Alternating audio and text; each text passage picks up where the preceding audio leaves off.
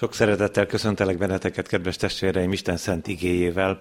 A bibliolvasó kalauz szerint a péntek, szombat és vasárnapi ige szakaszok lesznek most előttünk. János evangéliuma 9. részének első és következő verseit hallgassuk meg beköszöntő igeként.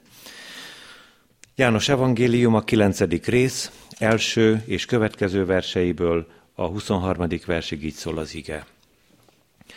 Amikor Jézus tovább ment, meglátott egy születése óta vak embert. Tanítványai megkérdezték tőle, Mester, ki vétkezett? Ez vagy a szülei, hogy vakon született? Jézus így válaszolt. Nem ő vétkezett, nem is a szülei, hanem azért van ez így, hogy nyilvánvalóvá legyenek rajta Isten cselekedetei. Nekünk, amíg nappal van, annak cselekedeteit kell végeznünk, aki elküldött engem. Mert eljön az éjszaka, amikor senki sem munkálkodhat. Amíg a világban vagyok, a világ világossága vagyok. Ezt mondta, és földre köpött, sarat csinálta nyállal, és rákente a sarat a vakon született ember szemeire, majd így szólt hozzá. Menj el, mosakodj meg a Siloám tavában, ami azt jelenti, küldött. Az pedig elment, megmosakodott, és már látott, amikor visszatért. A szomszédok pedig és azok, akik látták azelőtt, hogy koldus volt, így szóltak. Nem ő az, aki itt szokott ülni és koldulni? Egyesek azt mondták, hogy ez az, mások pedig azt, hogy nem, csak hasonlít hozzá. De ő kijelentette. Én vagyok az. Erre ezt kérdezték tőle. Akkor hogyan nyílt meg a szemed? Ő így válaszolt. Az az ember, akit Jézusnak hívnak, sarat csinált, megkente a szemeimet, és azt mondta nekem, menj el a siloámhoz, és mosakodj meg. Elmentem tehát, megmosakodtam, és most látok. Megkérdezték tőle, hol van ő? Nem tudom, felelte. Ezt a nemrég még vakembert a farizeusok elé vezették. Az a nap pedig, amelyen Jézus a sarat csinálta, és megnyitotta a szemét, szombat volt. Ekkor a farizeusok is megkérdezték tőle, hogyan jött meg a látása. Ő ezt mondta nekik, sarat tett a szemeimre, aztán megmosakodtam, és most látok. Erre a farizeusok közül néhányan ezt mondták nem Istentől való ez az ember, mert nem tartja meg a szombatot. Mások így szóltak. Hogyan tehetne bűnös ember ilyeneket? És meghasonlást támad közöttük. Ezért ismét a vakhoz fordultak. Te mit mondasz róla, hogy megnyitotta a szemedet? Ő azt mondta, hogy proféta. A zsidók azonban nem hitték el róla, hogy vak volt, és megjött a látása, amíg oda nem hívták a szüleit, és meg nem kérdezték tőlük. A ti fiatok ez? Akiről azt állítjátok, hogy vakon született? Akkor hogyan lehetséges, hogy most lát? Szülei pedig így válaszoltak. Azt tudjuk, hogy ez a mi fiunk, és hogy vakon született, de hogy most mi módon lát, azt nem tudjuk. És hogy kinyitotta meg a szemét, azt sem tudjuk. Tőle kérdezzétek meg, nagykorú már, majd ő beszél önmagáról. Ezt azért mondták a szülei, mert féltek a zsidóktól, mivel a zsidók már megegyeztek abban, hogy ha valaki Krisztusnak vallja őt, azt ki kell zárni a zsinagógából. Ezért mondták a szülei. Nagykorú már, tőle kérdezzétek meg. Kegyelem nékünk és békesség Istentől, ami atyánktól, és az Úr Jézus Krisztustól. Amen.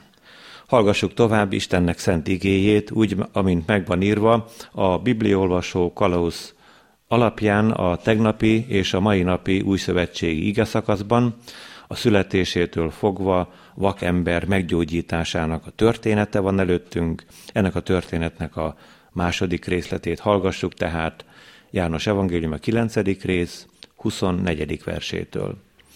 Oda hívták tehát másodszor is a nemrég még vakembert, és ezt mondták neki.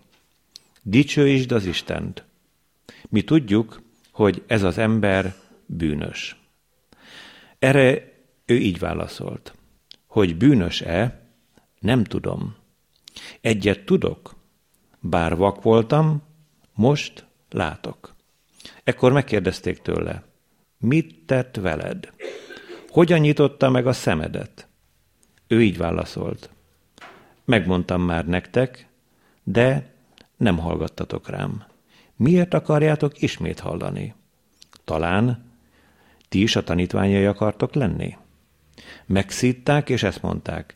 Te vagy az ő tanítványa, mi Mózes tanítványai vagyunk. Mi tudjuk, hogy Mózeshez szólt az Isten, de erről azt sem tudjuk, hogy honnan való.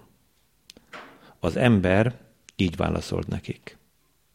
Ebben az a csodálatos, hogy ti nem tudjátok honnan való, mégis megnyitotta a szememet. Tudjuk, hogy az Isten nem hallgat meg bűnösöket. De ha valaki Isten félő, és az ő akaratát cselekszi, azt meghallgatja. Örök idők óta nem hallotta senki, hogy valaki megnyitotta volna egy vakon született ember szemét. Ha ő nem volna Istentől való, semmit sem tudott volna tenni. Erre így feleltek neki, te mindenestől bűnben születtél, és te tanítasz minket. És kiközösítették. Meghallotta Jézus, hogy kiközösítették, és amikor találkozott vele, megkérdezte tőle, hiszel te az ember fiában? Ő így válaszolt, ki az Uram, hogy higgyek benne?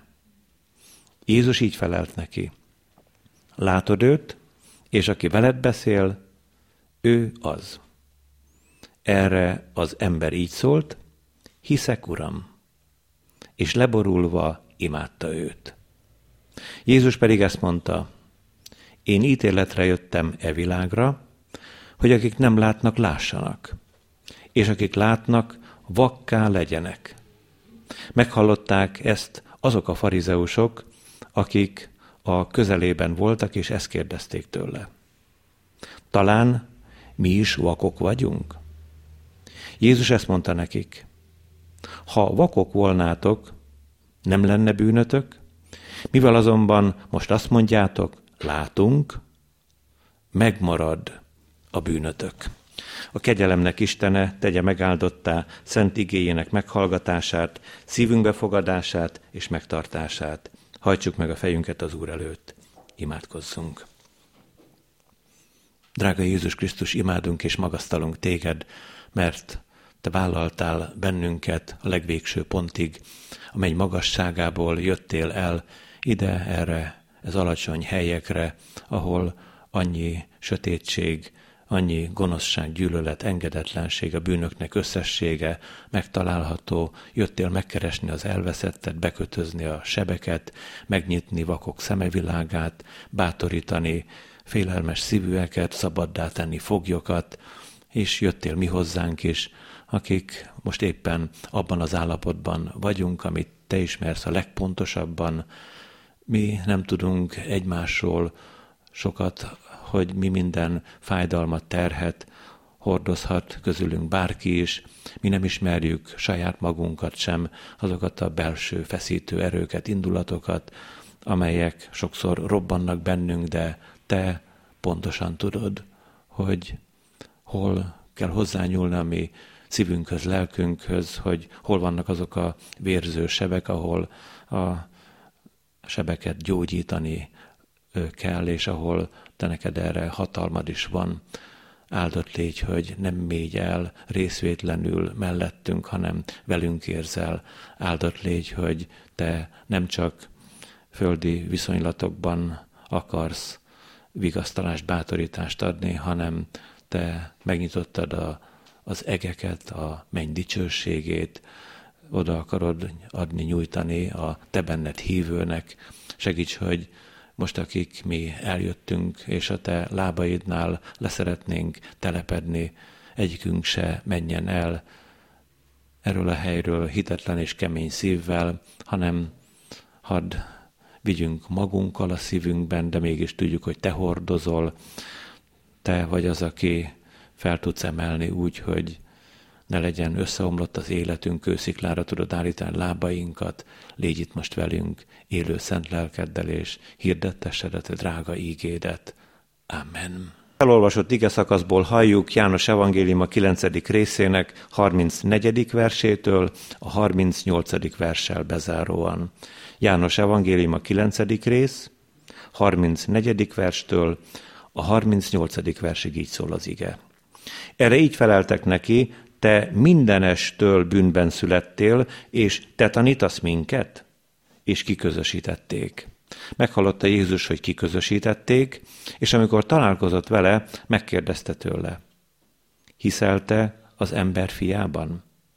Ő így válaszolt. Ki az Uram, hogy higgyek benne?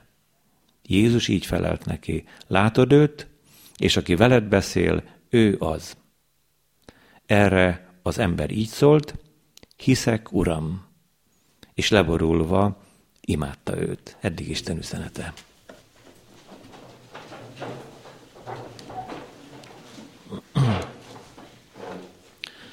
Szeretett gyülekezet, kedves testvéreim, egy megrendítő történet van előttünk a Szentírásból, amikor is a születése óta vakembernek a szemét megnyitotta az Úr Jézus Krisztus, két különlegesen csodálatos ajándékot kapott ez az ember, de nem csak a meggyógyított, most már látó emberre figyelhetünk ebben az igében, hanem az Úr Jézusnak az ellenfeleire is oda kell tekintenünk, akik pedig kétszeres, dupla ítéletet kapnak a maguk szíve keménysége miatt.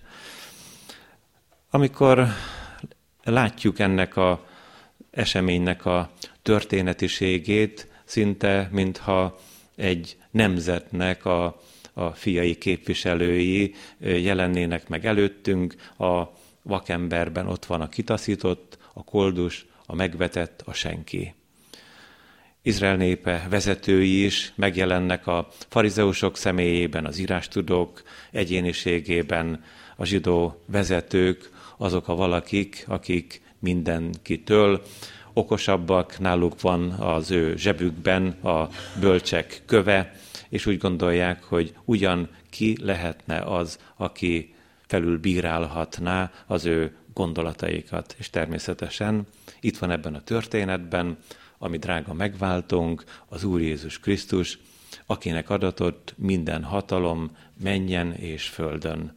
Ne gondoljuk azt, testvéreim, hogy mi nem vagyunk benne ebben a történetben. Az Úr különleges kegyelméből, ha úgy lehetünk, benne ebben a történetben, mint a kétszeresen meggyógyított vakember, akkor boldog, felszabadult és hálás szívvel fogunk hazamenni a mi otthonainkba, a reformációi ünnepélyünknek az első napján, ha pedig másként vagyunk ebben, akkor lehetünk okoskodóak, mint a sokasság, akik meghasonlottak a zsidó vezetőkkel, és hát azt mondták, hogy azért hétköznapi ember nem tehet ilyen csodákat, mint amit ez a názáreti Jézus tett, hogy a születésétől fogva vakember szemét meggyógyította. Lehetünk olyan helyzetben is, mint a zsidó vezetők, akik, ha nem is mondjuk ki, de úgy gondoljuk magunkról, hogy nálunk is ott van a zsebünkben a bölcsek köve, és ki tudna nekünk olyat mondani, amit mi nem ismernénk, és amivel mi ne lennénk képben. Fogjunk hozzá, mit üzen ezen a délelőttön Isten szent lelke nekünk, hogyan vigasztal, ne talán hogyan állít meg, Isten kegyelméből félelmetes ugyan arra gondolni, hogy, hogy meg is ítélhet, és a kegyelem helyett az ítéletet választaná valaki közülünk. Ennek a mai igehirdetésnek a címe ez, mindenestől a bűnben. Mindenestől bűnben születtél. Valakik vádolják ezzel ezt a meggyógyított vakembert, aki most már lát, Izrael népének a vezetői. Ez is lesz az igénk első üzenete. Mit jelent mindenestől bűnben lenni? Hát kedves testvéreim, ez csak a zsidó vezetők képzeletében létezik. Mert mindenestől bűnben lenni, azt egészen pontosan fogalmazzák meg a zsidó vezetők, azt mondják, te mindenestől bűnben születtél. Nem lehet mindenestől bűnben születni. Mert a bűn kérdésében ez a kifejezés, hogy mindenestől, ez konkrét bűnökre vonatkozik.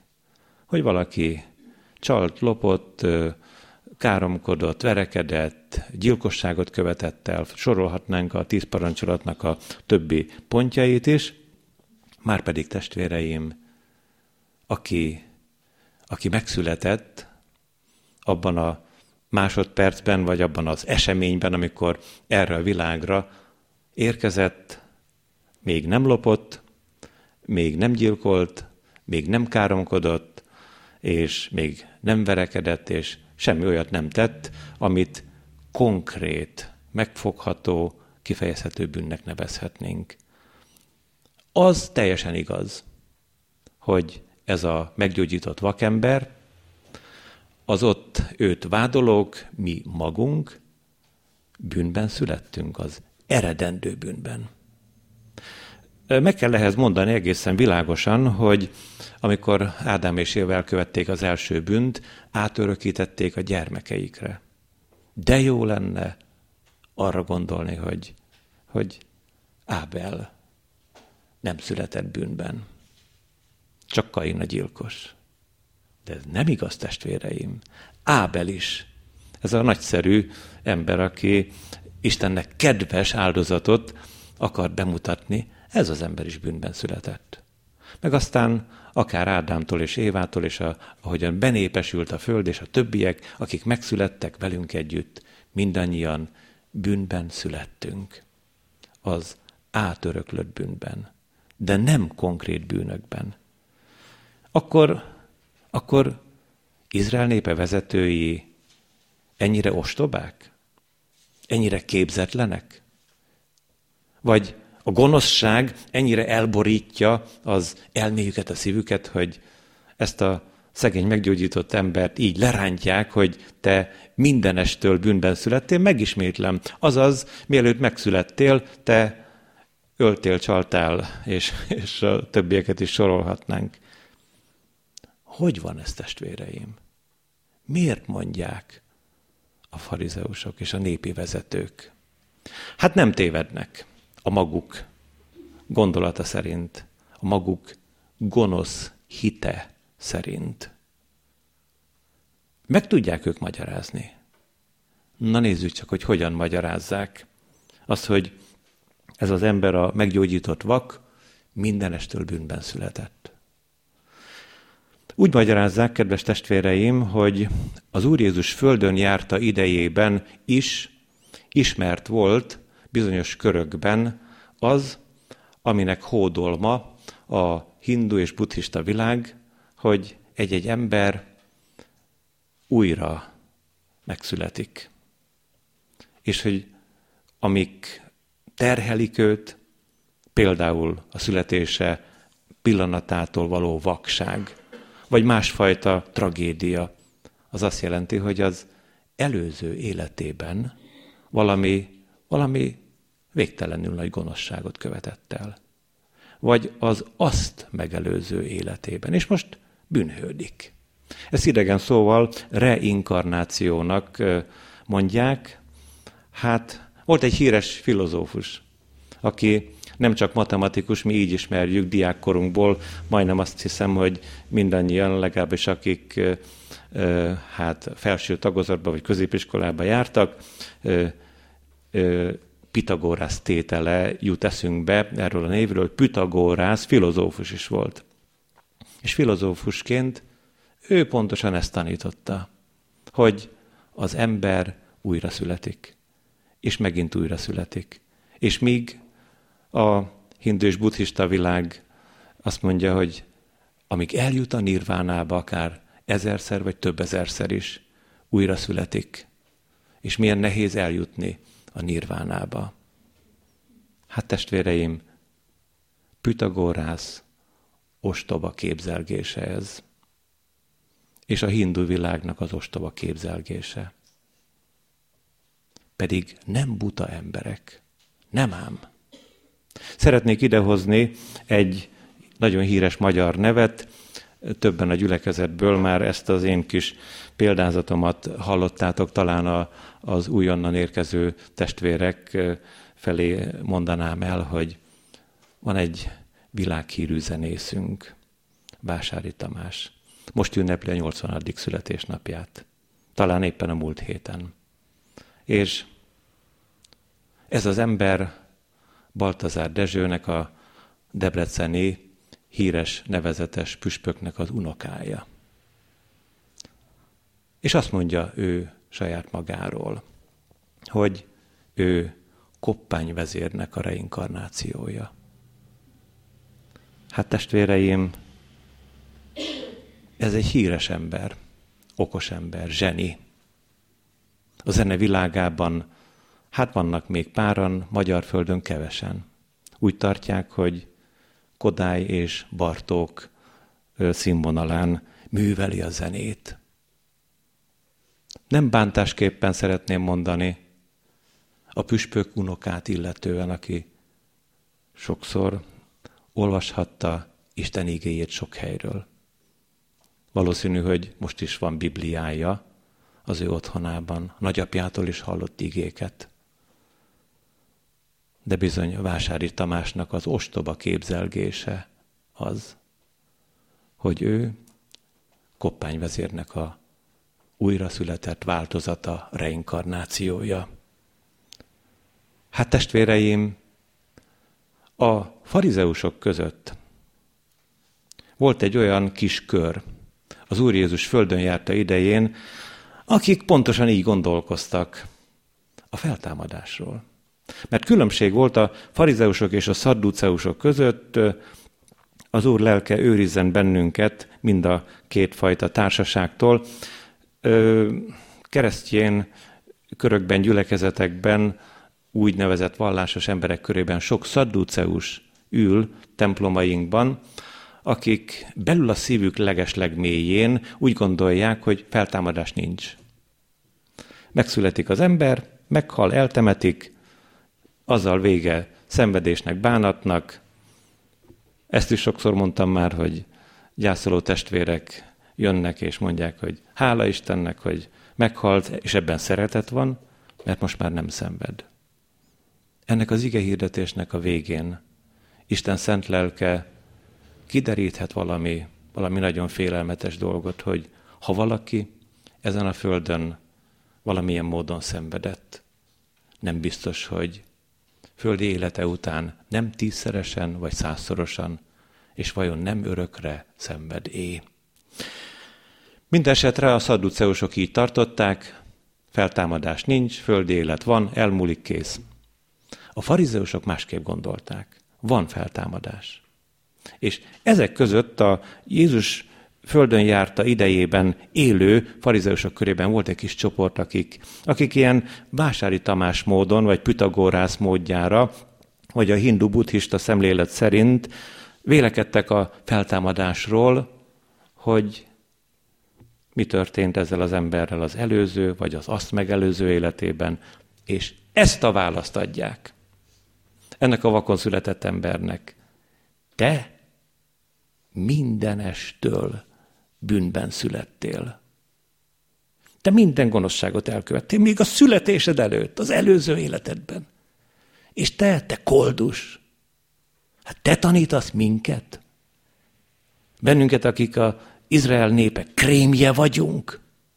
Ismétlem magam, akiknél itt van a zsebünkben a bölcsek köve. És kiközösítették. Felvidéken, Szlovákiában van egy, most már azt hiszem elmúlt száz éves néni, ha meg nem halt, és ez a néni, amikor felvette a magyar állampolgárságot, akkor elvették tőle a szlovák állampolgárságot. Ezzel nem foglalkozunk tovább, csak ezt szeretném közelhozni a szívetekhez, hogy az Úr Jézus földi szolgálata idejében a zsidó vezetők, amikor valakit kiközös, kiközösítettek, ez ezt jelentette, jogfosztott. Bárki megölheti, bárki belerúghat, nem fogják bántani érte azt, aki belerúgott, azt, aki tönkretette, azt, aki megölte, jogfosztott, semmi, és semmit érő ember. Egy nagy senki. Ettől féltek a meggyógyított vakembernek a szülei. Hárítottak, és azt mondták, hogy, hogy nézzétek, hát azt mi tudjuk, amikor faggatták a farizeusok, azt mi tudjuk, hogy ez a mi fiunk, azt is tudjuk, hogy vakon született, de hogy mi módon nyílt meg a szeme, nagykorú kérdezétek meg tőle. Nem akarták, hogy őket is kiközösítsék. Testvéreim, hogy van ez a dolog?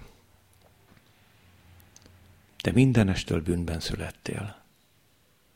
Vajon ezek a vezető emberek, ezek a farizeusok nem formáltak jogot arra, hogy hamar, kegyetlenül, hatalmuk birtokában ítélkezzenek? És aztán nagyon megrendítő ebben a gyógyítási történetben az, hogy a meggyógyított vakember nem akarja tanítani őket, ők faggatják, ők vallatják. Mi a véleményed róla? Először azt mondja a meggyújtott vakember Jézus, hogy hát proféta. A vezető emberek azt mondják az Úrról, hogy nem Istentől való. Másodszor azt mondják, hogy dicsőítsd az Isten, te meggyógyított vakember, mert mi tudjuk erről az emberről, hogy bűnös. Nem megrendítő testvéreim. Hova mennek el? ezek a farizeusok Isten fiáról. Azt mondják, hogy mi tudjuk Jézus Krisztusról, hogy bűnös.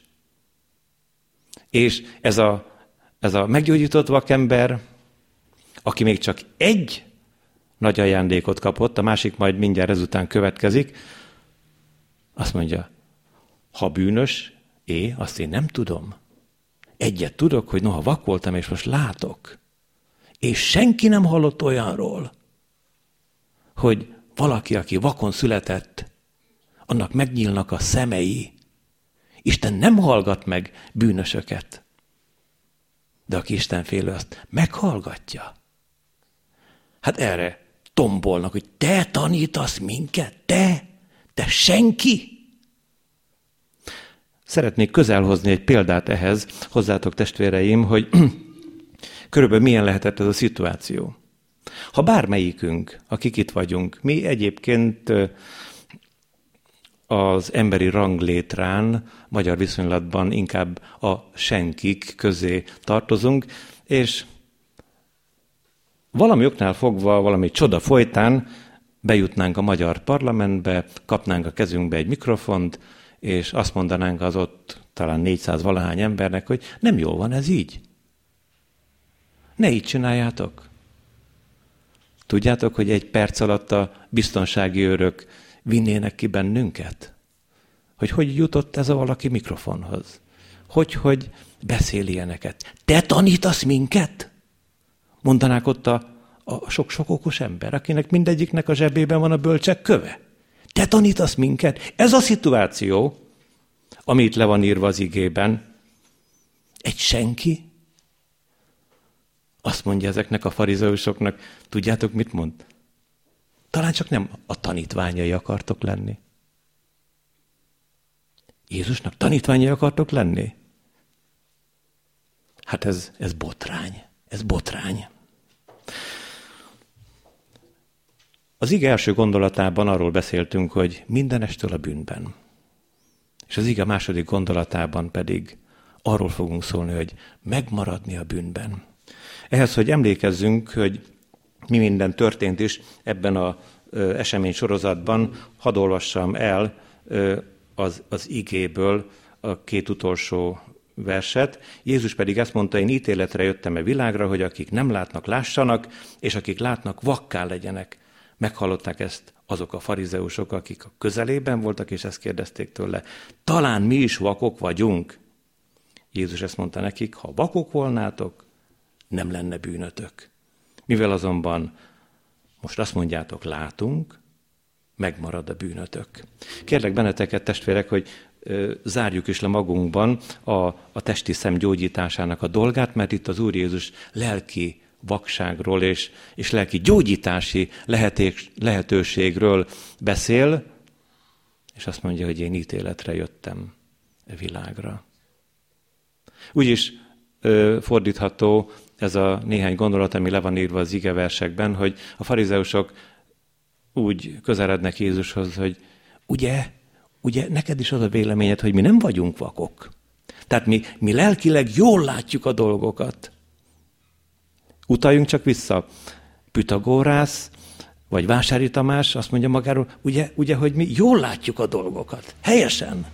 Te sem mondhatod azt Jézus, hogy nem. Jézus pedig azt mondja, hogy ó, ha vakok volnátok. Azaz, ó, hogyha, ó, hogyha beismernétek. Ó, hogyha átlátnátok, hogy, hogy milyen balgatag úton jártok, hogy milyen sötétségben vagytok, hogy milyen lelki szennyben, fertőben szenvedtek. Ó, hogyha látnátok. Nem volna bűnötök. Azaz nem, len, nem lehetne felróni nektek a, a bűnötöket, mert végre beláttátok. De ti azt mondjátok, hogy látunk. Ezért megmarad a bűnötök. Ó, testvéreim, én ítéletre jöttem be világra, mondja Jézus. És ha még egyszer mondja, amikor majd ott állunk az ő ítélőszéke előtt, hogy megmarad a bűnötök. Ettől nagyobb tragédia nincs. Ez a mi földi életünk után van. És ez nem reinkarnáció. Nekünk mindnyájunknak meg kell állnunk Isten ítélőszéke előtt, hogy számot adjunk arról, amit a mi testünkben cselekedtünk. És mit ír erről az életnek az egyik oldaláról az ige? A tűzük nem alszik el, és a férgük nem hal meg. Átgondoljuk mi ez komolyan, testvéreim? Az Úr Jézus a földi élet utáni életről, annak a, annak a félelmetes valóságáról, a kárhozatról beszél, hogy a tüzük nem alszik el, és a férgük nem hal meg. Élet ez, de nagyon keserves. Mostanság többen küzdöttünk ilyen influenzás betegséggel, és amikor végre kiköhögtük és kitüsszengettük magunkat, és könnyebben lettünk, ugye, hogy milyen jó érzés. Most nem kell erre gondolni, nem kell ezzel szenvedni. Vajon nem gondoltad én meg testvérem, hogy hányféle betegségből, amikor kigyógyított, talpra téged az Úr, micsoda megkönnyebbedés. És ha valaki benne van, és folyamatosan benne van, tűzük nem alszik el, és férjük nem hal meg komolyan veszedé az Istennek igéjét. Mert farizeusok feltámadásról, vásári tamások, pythagorászok tévedhetnek és taníthatnak ostobaságokat. De az Isten igéje igazat mond. Az Isten igéje igazat mond. Megmaradni a bűnben. Ez testvéreim a kettős ítélet. A kettős ítélet. Most először ítél az Úr. Most. Most, amikor beszél velünk. És azt mondja, hogy előtt adtam az életet és a halált, válaszd azért az életet. Ebből a helyzetből van fellebbezés. Tudjátok, hogy kinek van fellebbezés ebből az élet, ebben az életben, ebből a helyzetből? van fellebbezési lehetősége az utolsó leheletéig a vásári Tamásnak. Van fellebbezése. Egyszer oda borulhat az Úr Jézus lába elé, ahogyan tette ezt ez a meggyógyított vakember. És azt mondja, hogy most már nem a nagyapámért, és nem másokért, hanem mert én magam beláttam, átláttam, hogy te vagy a Krisztus. Az élő Istennek a fia. Te vagy. Ó, ha ez megtörténne ezzel az emberrel, akinek a zenéjét én csodálom, és nincsen semmi bajom vele. És ez, ez megtörténne te veled, testvérem, akkor, akkor egy világ fordulna meg. Akkor angyali seregek örülnének a mennyben. És zengenének halleluját, mert nagy öröm van a mennyben. Egyetlen bűnösnek a megtérésén, aki nem maradt meg a bűnben. Jézus azt mondja a farizeusokról, a bűnötök megmarad. A bűnötök megmarad. Enyhe hasonlat, amit most fogok mondani. Ha valakinek ma van 18 millió forint tartozása valamelyik bank felé, mert felvette a devizahitelt, és van neki 10, illetve van neki 150 ezer forint fizetése. Reménytelen a helyzete. Reménytelen. Van köztük, aki már öngyilkos is lett. Mert teljesen eladósította magát. Mert ha két élete lenne ezen a földön, akkor sem tudnák kifizetni. Elviszik a házát. Ha ő megtartja a maga szerencsétlen életét, akkor talán jól jár. Adósság, ami, ami soha nem fogy el. Soha. Legalábbis az ő életében nem. Hát testvérem, valami ilyen ettől szörnyűségesebb állapot az, amikor Jézus azt mondja, hogy a ti bűnötök megmarad. A ti bűnötök megmarad. Erre egy megoldás van. Ha ő elveszi. Ha ő eltörli. Ha az ő vére hull rá te szívedre, és szabaddá és boldoggá tesz téged. Elérkeztünk az ige utolsó üzenetéhez, ami megváltunk, feltesz egy kérdést a meggyógyított vak emberhez, hiszelte az ember fiában? Nézzétek csak, hogy mennyire nincsen rendben még ez a férfi, akinek már a testi szemei megnyíltak. Kiközösítették, lehet, hogy szomorú is, és Jézus jön hozzá. Még azt is tudjuk, hogy, hogy megkérdezték ezt az embert, hogy, hogy mondd már meg, hogy hol van. Mármint, hogy Jézus hol van. És úgy hallottuk az ígében, hogy a vakember azt mondja, hogy nem tudom. Hát ezt is meg lehet magyarázni, mert amikor az Úr Jézus azt mondja a vakembernek, hogy ugye rá van kenve a szemére a sár, menj el a Siloám tavához és fürödj meg, hát vakon elmegy a Siloám tavához, megfürdik, megmosdik, és ahogyan lemossa a sarat a szeméről, szeméről, attól kezdve lát. De közben Jézus eltűnik. És őszintén a szívéből mondja, hogy én nem tudom, hogy hol van. Hányszor járunk így, testvéreim? Hogy felemelt, meggyógyított, megvigasztalt, kórházból hazahozott, családi békét teremtett, mindent elrendezett az Úr. És akkor, akkor, akkor így jártunk, hogy ez a válaszunk, hogy nem tudom, hogy hol van. Nem tudom, hogy hol van. És Jézus tudja a helyzetünket, és ő jön. Ő jön ehhez a kiközösített emberhez, Hát, milyen vigasztalás ez, amikor az Úr felteszi a kérdést, hiszelte az ember fiában? Ez nem olyan túl kellemes kérdés. Végig gondoltam, hogy családlátogatás során, ha már megittuk a kis kávécskánkat, és elbeszélgettünk a családról, és lelkipásztorként én valamelyik őtöket így megkérdeznélek, hogy, hogy te most őszintén a szívedből mondd már meg nekem, hogy, hogy te hiszel az Úr Jézusban? Nem biztos, hogy nem kapnék egy ilyen választ, hogy kikérem magamnak. Hogyan hagyjál már békén? Hát miféle kérdés ez? Márpedig Jézus így kérdez. Hiszel te az ember fiában? Olyan őszinte ez az ember, én úgy szeretem. Azt mondja, hogy, hogy ki az?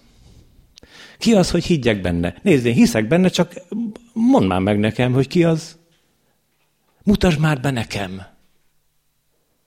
Mert testvéreim, egy pillanatig se higgyük azt, hogy csak Jézus nyit meg vakszemeket és tesz csodákat.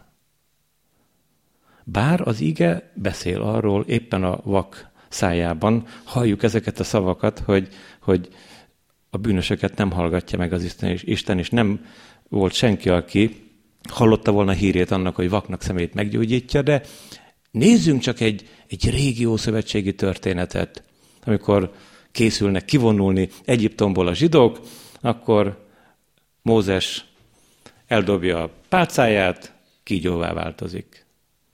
Jönnek az egyiptomi varázslók, eldobják a pálcájukat, kígyóvá változik. És ott sorban egymás után a tíz csapás elején az első is, második is. Meg tudják csinálni. Csoda, szemfényvesztés, ördögi trükk, ördögi praktika, bőven van testvéreim. Ezek a egyiptomi varázslók valamelyik csapásnál azt mondják a fáranak, hogy vigyázz, ezt már nem tudjuk megcsinálni. Ez már az Isten újja. Ez már az Isten újja.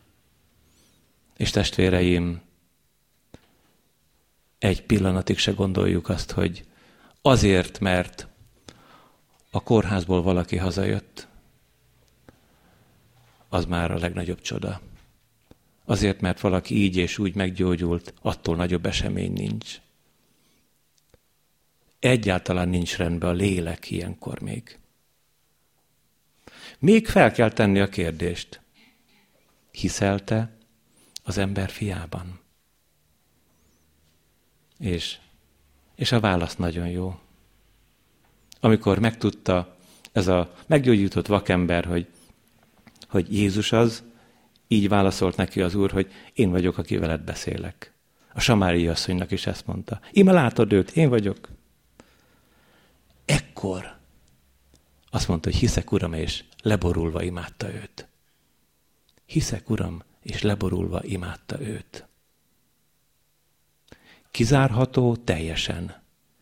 Itt a mi kis közösségünkből mindenki, aki már sok mindenféle ennivalót, szemét és valakiket imádott, de soha nem imádta az Úr Jézust? Kizárható? Vannak erre nézve kérdőjelek. Én a kis hittanosoknak szoktam mondani, hogy amikor mondják, hogy úgy imádom az anyukámat, mondtam neki, hogy ne imád te az anyukádat, csak szeressed. Majd kiderül, hogy 13, 14, 15 éves korodban hogy fogod te imádni az anyukádat. Fogtok birkózni eleget. Hát testvéreim, az atyát és az egyszülött fiút, az embernek fiát, Jézus Krisztust, és az ő szent lelkét lehet, szabad, kell és imádni, de még Szent Antalt sem. Nem. És embert nem és senkit sem a bálványok közül. De olyan jó, hogy megláttuk. Ennek a meggyógyított vaknak a személyében a második ajándékot, ez a, ez a második ajándék a legnagyobb ajándék. Az örök életnek a jegyese. Aki leborulva imádja az Urat, az azt jelenti, hogy szívéből imádja. Hogy ott van a szíve hogy most már nem csak hálás azért, mert lát a szemeivel, most már lát a szívével. Teljesen meg van gyógyítva.